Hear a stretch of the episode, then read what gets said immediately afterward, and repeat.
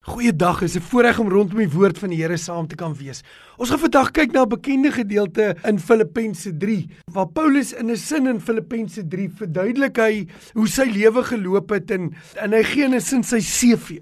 Hy gee sy CV. En dan daarna dan sê hy hoe dit wat vir hom voorheen belangrik was, eintlik weggeraak het. En dan sê hy Filippense 3 vers 10, dan sê hy sodat dit wat vir hom nou belangrik is, is om Jesus te ken en die krag van sy opstanding en gemeenskap in sy lyde terwyl hy aan sy dood gelykvormig word. Met ander woorde Paulus sê, hy het 'n begeerte, hy het 'n begeerte om die Here Jesus te leer ken vir wie hy is, nie bolangs nie, nie eenkant nie, maar soos iemand wat gemeenskap het aan sy lyding. Met ander woorde, Jesus leer ken in in wat hy kom doen het en fellowship met hom te hê in die diepte van wie hy regtig is. Dis 'n geweldige vers. Dis vir u die moeite werd om Filippense 3 vers 10 te memoriseer, maar dis nie regtig waaroor ons wil praat nie. Ons wil praat oor vers 14 wat vir u baie bekend dalk is. Ek lees dit graag vir u en dan gaan ons saam bid. Vers 14 van Filippense 3 sê die volgende: "Maar een ding, een ding. Ek vergeet die dinge wat agter is. Ek strek my uit na wat voor is en ek jaag na die doel om die prys te verkry." Van die hoë roeping van God in Christus Jesus. Dis 'n baie belangrike vers. Waarna is u besig om uit te reik? As jy een ding begeer in jou geestelike lewe, as jy sou sê soos Paulus, een ding, wat sal dit wees? Ons gaan vir 'n oomblik daarna kyk, maar kom ons bid saam. Vader, ek bid dat U deur die Heilige Gees in hierdie tyd U woord sal lewend maak en U weet wat ons elkeen se behoeftes en waarmee is ons besig om 'n stryd te voer in hierdie dag en ek vra Vader dat U deur die Heilige Gees nou ook in 'n oomblik met ons harte sal praat. Ek vra dit in die naam van Jesus. Amen. Paulus sê een ding, een ding. Ek vergeet die dinge wat agter my is en ek strek my uit na wat voor is. Ek jaag na om die doel om die prys te verkry van die hoë roeping wat daar in Christus Jesus is, die hoë roeping van God vir ons lewe. Paulus gebruik hier 'n wedloop, 'n resies beeld, waar 'n wedloop sou wees. Want die die geloofslewe is 'n wedloop. Dis 'n wedloop. Die wedloop gaan nie oor om eerste te wees nie, die wedloop gaan om voltooiing. Soos wat ek 'n tyd terug 'n maraton gehardloop het, het dit regtig nie vir my gegaan om 42 km die eerste ou te wees oor die wenstreepie, want dit was totaal vir my totaal onmoontlik, maar ek wou klaarmaak en ek het klaar gemaak. Gelukkig het ek lekker vriende gehad om saam te hardloop, want is dit ook 10 10 nie klaar gemaak nie. Maar weet jy, dis die beeld. Of as 'n mens 'n vinniger beeld het soos 'n 400 meter. Wat Paulus sê is 'n mens kan nie omkyk omkyk hardloop nie. Hoekom nie? Hoekom nie? Want ek dink soos 'n 400 meter. As jy omkyk omkyk hardloop, wat gebeur? Jy verloor spoed en jy struikel. Want jy kyk nie waartoe jy hardloop nie en jy kyk nie na wat jou doel is nie. Nee, jy kry nie 'n persoon wat in 'n as hulle 1500 meter hardloop, as jy begin agterkom, hy hardloop voor en hy kyk heeltyd om, kyk jy om heeltyd om, dan weet jy. Iets is besig om verkeerd te loop want jy weet jy kyk nie heeltyd om nie. 'n Wedloop is nie so nie. Nou sê Paulus, die wedloop van die lewe is sodat jy sekere dinge agterlos en nie omkyk nie. En jy strek jou uit na na die wenstreep en wat jou doel is en waar jy moet kom. Dit is wat Paulus hierso sê. Hy sê jy strek jou uit. Jy strek jou uit. Jy los dit wat agter is. Nou wil ek net gou-gou die volgende sê. Ek sien baie keer mense loop. Ek dink daar aan een spesifieke persoon met hulle hond. En dan het hulle so harnas aan. En dan het hulle die hond op 'n leash. Maar die hond stap met hulle baas, nie die baas met die hond nie. Dit het al gesien. Die hond is so sterk en hierdie klein vroutjie stap met drie groot honde, twee groot honde en hulle is besig om haar vir 'n stap te vat. Verstaan wat? Hulle trek haar. Hulle trek haar. nou die beeld wat Paulus hier gebruik is iemand wat strek vorentoe, hy trek vorentoe. Sy hele momentum is vorentoe. Dit is sy oogmerk. Want daar's 'n doel. Daar's 'n doel. Daar's 'n doel vir sy stap. Daar's 'n doel vir sy geestelike stap. En daaroor wil ek in hier gesels vandag want dit is wat hierdie gedeelte sê. Wat is die doel? Kom ons vat 'n ander beeld die GPS van 'n Christen. Die GPS, kyk jy nou GPS, deesdae is dit amper nie meer 'n GPS nie. Jy kry 'n location pin op jou selfoon. Nê. Nee. En daai pin sê vir jou 'n sekere rigting moet jy beweeg. En hy wys vir jou waar jy wil uitkom. Deesdae sê jy mos nie meer vir mense ek bly by Wellington Straat 19 nie. Nee, jy sê vir mense, ek gee vir jou pin en dan ry hy daar op en daai pin rig hom. Nou waar is die pin van die gelowige? Vir die kind van die Here, wat is die pin? Is die pin hemel? Is dit waartoe ons op pad is? Is dit wat ons waar ons uitkom? Nee, in hierdie vers sê dit, nee, daar's 'n ander doel. Daar's 'n ander doel. En die doel is nie hier die hemel nie. Die GPS word nie hier ingetik op die hemel nie. Nee, die doel is om meer en meer in die beeld van Jesus verander te word. Die kind van die Here se bestemming is om meer en meer in sy beeld verander te word. Dit is die doel. Dis waarop ons die wedloop van die lewe hardloop. Die Bybel sê dat dit is Paulus se se roeping. Hy sê terwyl ek hom aanskou, word ek meer en meer in sy beeld verander. Weet jy wat is die doel waarom die Here u nou nog hier op aarde het? Is om meer en meer in elke situasie verander te word in sy doel. Die krisis waarin u sit, die situasie met die kind, die situasie met met u gesondheid, die situasie in die finansies, die storm, die moeilike situasie. Waarom los die Here dit nie dadelik op nie? Hoekom hoor die Here nie of voel vir u hy verander nie die situasie na u eerste gebed nie? Is dit omdat u nie geloof het nie? Nee, nee, nee. Dis omdat hy elke situasie wil gebruik om jou meer en meer nader aan hy doel te bring. Hy wil jou verander meer en meer in sy beeld. Dit is die hart van die Here. Dit is die verlang van die Here. En dit is die eerste ding wat Paulus hierso sê. In hierdie vers kry jy drie dinge. Hy sê een ding, ek vergeet die dinge wat agter is, ek strek my uit na wat voor is. Ons gaan nou net daaroor praat. Dan sê hy ek jaag na een die doel. Dan sê hy om die prys te verkry. Dan sê hy van die hoë roeping van God in Christus Jesus. Nou wil ek dit vinnig vir u daai drie net uitmekaar uittrek. 1. Wat is die doel? Wat is die doel wat Paulus vooroe het is, is om meer en meer verander te word in die beeld van ons Heiland. Om meer en meer soos Christus te wees. Dis die proses, dis die pad van heiligmaking is ek word wat ek meer is in hom reeds. Want hy sien hy kom in my lewe in. Sy lewe is daar. En heiligmaking is die proses wat ek word wat ek reeds is in Christus. Kan jy dit vat? Kan jy dit verstaan? Want die Here se oogmerk is om ons meer en meer in sy beeld te verander. En dit is wat die Heilige Gees doen in my lewe. Dit is die doel. Wat is dan die prys? Die prys is 'n hemelse prys. Dis 'n hemelse kroon. Dis die volheid. Wanneer Jesus in jou werk, is daar 'n waarborg. Wanneer jy lewend is en jy gewederbaar is, jy wedergebore is, weet jy wat? Dan sê die hemel, dit is vas. Dit is gereël en verseker en dis waarmee jy die Heilige Gees gee. Om te sê daai prys is vas. En hy wag vir jou. Hy wag vir jou 'n ewige hemelse beloning. Wat hoe wonderlik is dit nie? Maar ek is hier om die doel na te streef, om meer en meer in sy beeld verander te word. En wat is dan die hoë roeping? Ons gaan weer nou praat. Wat is die hoë roeping wat saam met die doel kom? Dit is om terwyl jy besig is om te streef, om meer en meer in sy beeld verander te word in elke situasie. Terwyl jy dit jou oogmerk maak, raak jy ander mense. Die Here het 'n roeping vir my in die lewe. En dit is om soos wat ons beweeg en soos wat ons in hierdie wêreld ons versier stel om meer en meer in sy beeld verander te word. So raak hy ander mense deur ons. Dis die hoogste roeping wat daar is om deur my stap ander mense te trek ook na die Here toe. Ek wil drie beelde gebruik om hierdie vers net te te illustreer en nader te bring. En ek weet nie waar jy is nie, maar ek weet een ding is jy 'n wedergebore kind van die Here is. Dit beteken Jesus se lewe is in jou lewe. Hy het jou al lewend gemaak. Dan is daar 'n doel wat jy moet nastreef en daai doel is om meer en meer in sy beeld verander te word. Paulus skryf in die begin van Filippense, Filippense 1:6. Hy sê van oortuig dat God wat die werk in hom begin het, dit eintlik sal volvoer. Die wonderlike ding is ek en jy strewe om in elke situasie toe te laat dat die Here sal doen in my lewe wat hy moet doen. Dan weet ek een ding, die Here sal getrou wees en hy sal dit werk in jou lewe. Die eerste beeld wat ek vir wil gebruik is 'n beeld van 'n wedloop.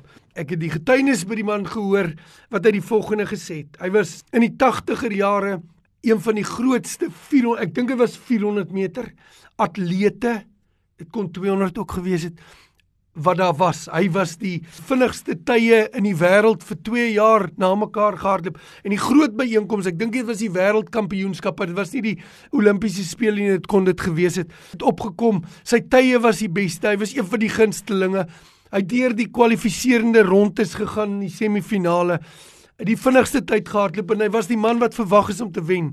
En hy vertel na die tyd die volgende van 'n baie jong ouderdom of ek dink hy het 400 gehardloop, het hy besluit hy wil die vinnigste 400 meter atleet in die wêreld wees.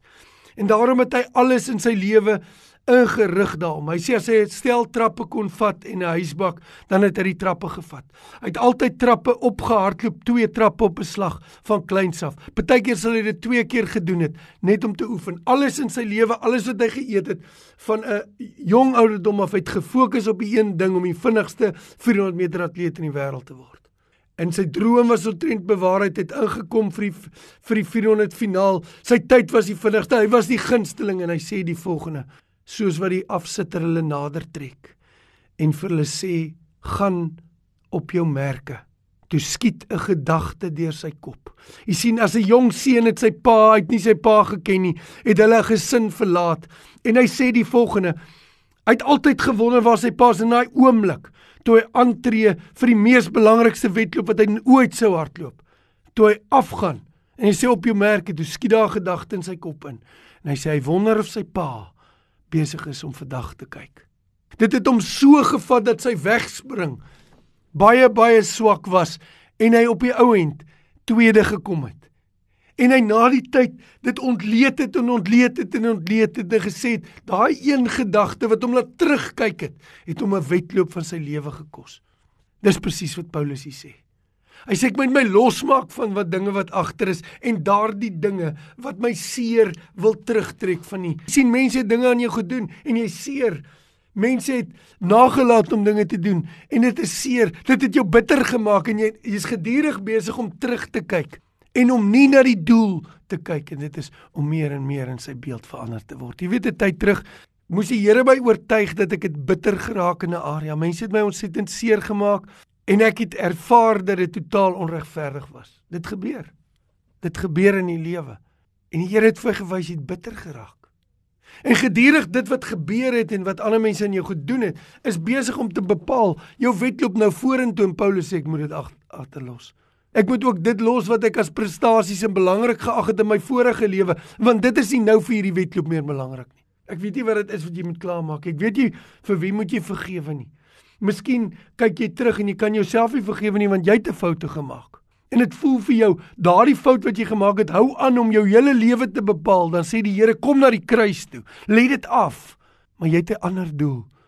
En dit is om hier en nou waar jy nou staan in elke situasie. Maak nie saak hoe groot die krisis is, te sê Here, verheerlik U naam in my lewe. Here, in hierdie situasie vra ek dat U my meer en meer sal verander in die beeld. Daai situasie waardeur u kom en dit voel vir u dit wil nie uitkom nie. Dit wil nie deurgaan nie. Jy sit in hierdie krisis nou al lank. Gaan vir die Here en sê Here bereik asseblief u doel met hierdie krisis. Kom asseblief en verander my meer in die doel, meer in die beeld. Want ek wil nie laat hierdie ding my saamsleep in my keer om die wedloop klaar te maak. Jy sien baie mense se geestelike lewe soos 'n sirkel, soos om 'n boom te hardloop. Hy kom aan mekaar by dieselfde punt terug. Hy het 'n getuienis het hy sy hart vir die Here gegee. Hy het 'n getuienis dat hy iewers vergifnis van sonde gehad het, maar sy stap saam met die Here het nie groei nie. Sy stap saam met die Here is nie vorentoe nie. Hy's nie besig om aktief te beweeg om meer en meer in die beeld van Jesus verander te word nie. Dit is dink ek dikwels die meerderheid kinders van die Here se probleem dat ons sal 'n getuienis hê van redding maar ek het nie 'n getuienis van dat ek groei saam met die Here nie. Ek is nie 'n getuienis dat ek hom meer leer ken en meer in sy beeld verander word nie. As mense my sien jaar na jaar, sien hulle dieselfde man met dieselfde dinge, met dieselfde gewoontetjies. Hulle sien nie 'n groei nie, hoekom nie? Want my lewe is gefokus op myself. En ek loop om en om 'n boom en 'n krisis gaan verby. Krisisse kom en gaan. Situasies kom en gaan en ek het niks verander in die beeld van Jesus nie want my stap is gefokus op myself. En ek wil net hê hierdie krisis moet verbygaan dat ek weer normaal kan voel. Dat dinge weer rustiger kan wees en dat dinge weer normaal in plek kan wees terwyl die Here wil jou help om 'n doel te bereik want hy wil iets in jou werk. 'n lewende beeld van 'n lewende Jesus. Kan u dit vat vandag? Ek weet nie of u dit kan vat nie. Ek kan dit vat. In my lewe kan ek vir u sê want ek het 'n verlange om in dit wat ek huidigelik in my lewe beleef en situasies rondom familielede wat siek is en rondom dinge wat vir my kosbaar is wat lyk asof dit nie gaan verander nie. Het ek 'n verlange om te sê Here verander my in u beeld meer en meer. Ek wil agterlos dit wat ek wil agterlos. Ek wil nie meer sentimenteel net wees in hierdie wêreld. Ek het 'n verlange om 'n doel te bereik dat U in my sal werk wat U nou in my wil werk. Die Here wil dit met jou ook doen. Die Here 'n verlange daartoe. Maar weet jy, van die kind van die Here wil nie heeltyd net om 'n boom beweeg. Ek wil 'n tweede beeld gebruik. Jy weet die college coaches van Amerika as hulle 'n bietjie sukses behaal het, skryf hulle almal boeke. So die een Amerikaanse voetbalspan, nou ek hou nie te veel daarvan nie, hulle te veel gear en goeters. En hulle 80 ouens in 'n squad, maar net 11 of 12 is op 'n op 'n veld, so. Maar hy het 'n groot beker gewen en hy skryf 'n 'n boek en in die boek vertel hy van sy sy ervaring en alles en hy vertel dat daar 'n ervaring hom getref het om bygebly het en ek wil dit graag vir u deel. Want die kind van die Here is soos 1 Petrus 3. Hy sê ons het 'n doel en daai doel en daai uitkoms en daai prys is eendag om vir die Here te sien soos wat hy is. Ag 1 Johannes 3 sê die volgende. Hy sê ons weet nie hoe ons sal wees nie, maar ons weet ons sal hom sien soos wat hy werklik is. En daarom hulle wat die hoop in hulle het, reinig hulle self om sodat hy rein sal wees soos wat hy rein is. Die kind van die Here is gedurig besig om sy fokus te draai nie net op die doel om meer te verander te word in die beeld van die Here nie, maar om sy fokus te draai op wie die Here is en op 'n wete dat ek hom eendag sal sien vir wie hy werklik is. So hierdie college coach vertel die storie van hy sê daar was 'n 'n jong man in sy voetbalprogram soos hulle genoem het. Hy was regtig van die swakker spelers daar, maar hy het kom oefen elke keer en hy was getrou. Hy het geweet hy sal nooit speel in 'n wedstryd nie want hulle het mos nou nie B en C span hulle het net een squad en hulle ry hulle heeltyd en dit is wat vir my altyd so moeg maak. Nee man speel die hele game klaar maar in elk geval. So hy weet hierdie ouetjie gaan nooit gaan nie maar wat hom beïndruk het van hierdie jong man sy getrouheid En sy pa het baie keer by die oefening gewees. Hy het nooit met sy pa gepraat nie, maar daarna het hy met sy pa ingehaak en hy het hom reg oor die hele college gevat. En hy het baie keer hierdie jong man gekyk met sy pa en hy het gedink, "Wat 'n wonderlike verhouding. Hy sê goeie goeie voetbalspeler, maar hierdie man het 'n wonderlike verhouding met sy pa." En eendag kom daai seun na hom toe en hy sê, "Coach, my pa was by baie oefeninge wat hy kon wees." Maar ehm um, hy laasweek oorlede. Een week is hy pa nie daar nie en en die seun is ook nie daar nie. En toe hy weer terugkom, toe sê hy, "Kan hy nie Vrydag aand speel asseblief nie?" Hy het nooit gespeel, hy weet hy's nie die beste nie.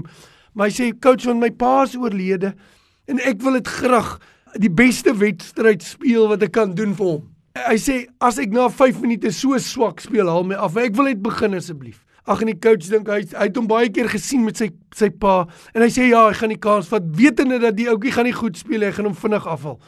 Maar die Vrydag aand speel daai jong ouetjie sy hart uit. En hy sê die afrigter se mond hang oop want hy is oral en hy doen alles en hy gee alles.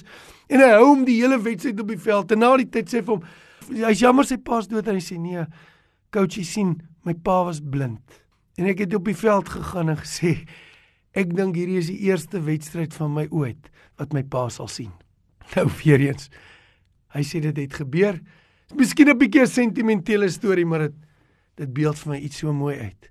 Die kind van die Here hanteer enige situasie met 'n oogmerk en sê: "Daar is 'n Vader in die hemel wat besig is om my te verander deur sy gees en wat in enige situasie dophou hoe ek beweeg."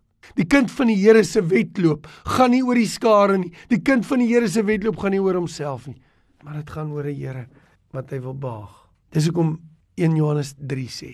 Ons weet nie hoe ons gaan lyk eendag nie. Ons weet nie hoe gaan dit werk nie, maar ons weet een ding, ons gaan wees soos wat hy is. Omdat ons hom sal sien vir wie hy is. Die wedloop van die lewe is om my los te maak van enigiets anders en uit te strek en te sê Here verander my meer in die beeld want eendag gaan ek U sien soos wat U werklik is. Die Here het miskien daai krisis toegelaat in jou lewe sodat hy jou meer en meer kan voorberei, meer en meer kan verander in sy beeld sodat wanneer ons hom sien, ons sal wees soos hy is. Ek wil afsluit met 'n laaste storie want ek besef die geestelike lewe is nie maklik nie. En ek weet u is 'n kind van die Here en dit voel vir u die Here beantwoord dan nie dadelik my gebede nie. Waar is die Here dan nou? Hoekom doen hy dit? Hoekom laat die Here dit toe? Ek is aan sy kind, ek is lief vir hom. Wil ek vir u vandag sê, juis die feit dat hy dit toelaat Die feit dat hy langer een 'n storm hou as wat u dink u kan dra, is omdat hy wil hê u moet uitstrek. Nou, u moet begeer om die doel te verkry. U moet 'n verlange hê na 'n situasie om te sê verander my meer en meer in die beeld, Here. Vader, verheerlik U naam sodat ons sal reg wees wanneer hy kom. Sodat 1 Johannes 3 kan waar word in jou lewe. Hy wat die hoop het om hom te sien eendag. 'n Hoop om die prys te kry reinig homself soos hy rein is. Dis niks anders as wat Paulus hier sê. Hy strek homself uit om daai doel te verkry. Daar was 'n jong man en dit was in die Victoriaanse era in Engeland. Hulle het baie oorlog gehad en dit was 'n jong man, George wat verloof wou raak aan 'n aan 'n meisie Mary en hulle het verloof geraak uit uit haar pa was oorlede en hy het haar ma gevra, "Kan hy met haar trou?" En sy het gesê, "Ja." Net daarna toe word hy opgeroep na oorlog toe. Hy was 'n geweldige stryd probeer om te sê nee, maar hy staan op trou en hulle het net gesê nee, hy moet gaan. En hy het gesê, "Mary, ek trou sodra ek terugkom met jou. Ek wil met jou trou. Ek is lief vir jou. Ek wil my lewe lank saam met jou wees." En sy het gesê, "George, I will be ready when you come." Dit is wat sy gesê het. En weet jy wat? Hy's weg oorlog toe en hulle het geskryf. Dit was van daai oorlog, ek dink Engeland teen Frankryk en hulle het altyd briewe teruggestuur een keer 'n week kon die manne skryf en hulle bring die briewe terug. En elke week was daar 'n brief van George en elke week was daar 'n brief van haar. En sy het gesê, "I will be ready when you come. Ek sal reg wees wanneer jy kom. Ek sal reg wees wanneer jy kom." En een week hou sy briewe op. En 'n tweede week hou sy briewe op en die derde week toe kom haar van die front af 'n uh, 'n boodskap wat sê George is missing in action presumed dead. Mary se hart is gebreek. Haar hart is gebreek. En 'n week Twee het sy getreur want hierdie man is dood. Sy hoor niks weer nie. Sy hoor niks weer nie. En op 'n aand toe sê sy vir haar, sy kan nie dit meer vat nie. Sy kan nie die trourok so los net daar nie. Sy gaan dit nou wegpak. Sy kan nie. Hy's dood. Hy kom nooit weer terug nie. Haar ma moet haar net los die aand en hy en sy gaan op in haar kamer. Sy trek haar trourok aan en maak haar mooi en sy bars uit van trane en sy treur oor dit wat nooit sal wees nie. En sy hoor nie die klop onder by die deur nie. Die ma, ma opmaak Toe staan 'n gehavende soldaat George daar. Bietjie gewond, weggeraak. En toe hy op die slagveld is, het hy huis toe gedraai. En hy sê, "Is Mary daar?" En die ma wil nog vra wat het gebeur en hy loop by haar verby teen die trap op. Hy weet waar haar kamer is. Hy klop aan die deur. En 'n betraande Mary maak die deur oop en staan in 'n trourok. En daar staan George. En in 'n oomblik is hy in sy arms. En toe hy tyd kry, toe sê hy, "Mary, Mary, Mary, when you said you were ready, I never knew how ready you would be. En wat 'n beeld. Wat 'n beeld van die bruid wat sê elke situasie in my lewe wil ek gebruik om my uit te strek om die doel te bereik dat hy my om my sal verander in sy beeld sodat wanneer hy kom of my kom haal ek gereed sal wees. En weet jy wat ek het dit nou die oggend in ons gemeente bedien hierdie woord dat ons moet eindig op die oop die wolke. Maar voordat ek die woord begin en ek het my boek geskryf Ons moet eindig met 'n fokus op die wolke. Toe is die laaste lied, die laaste lied wat hulle voorberei het, is die lied wat sê ons moet eindig en fokus op die wolke. Maar net voor hulle die lied sing, toe staan 'n man op en hy lees die einde van Openbaring. Gees in die bruid roep uit: Kom. Here Jesus kom. Ek glo wat die Here vir ons wil sê. Ek dink wat die Here vir u wil sê en vir my. Is dit maak nie saak wat 'n situasie en wat gebeur het tot nou toe in die krisis en selfs hoe hier hanteer het. Maak los dit wat agter is. Maak klaar en strek uit en sê Here, hierdie situasie wil ek begeer, ek wil uitstrek om te groei in U en meer en meer verander te word in die beeld. Want die prys kom en daar's 'n hoë roeping om ander Jesus te wys hier. En dit kan ek net doen as U my verander meer in die beeld. Ons wil graag saam met U bid. Ek weet nie waar U staan nie. Maar ek wil graag vir u bid in die krisis vandag. Vader, my gebed is dat ons sal klaarmaak en losmaak die dinge wat agter is en dit wat so moeilik is in hierdie situasie en ons sal uitstrek en sê Here, die een verlange, een doel en dit is om meer verander te word in die beeld sodat op die pad na die prys toe, die kroon toe, eendag by u ander Jesus sal sien in my en u sal verheerlik. Ek bid vir ons krisisse, Vader. Bid as daar iemand is wat sukkel met 'n met 'n kind. Sukkel in 'n situasie, sukkel met finansies, sukkel met hulle gesondheid of 'n geliefde se gesondheid. Sukkel om te verwerk 'n baie baie seer situasie. Dat U ons sal help om ons uit te strek na U om meer en meer in die beeld verander te word.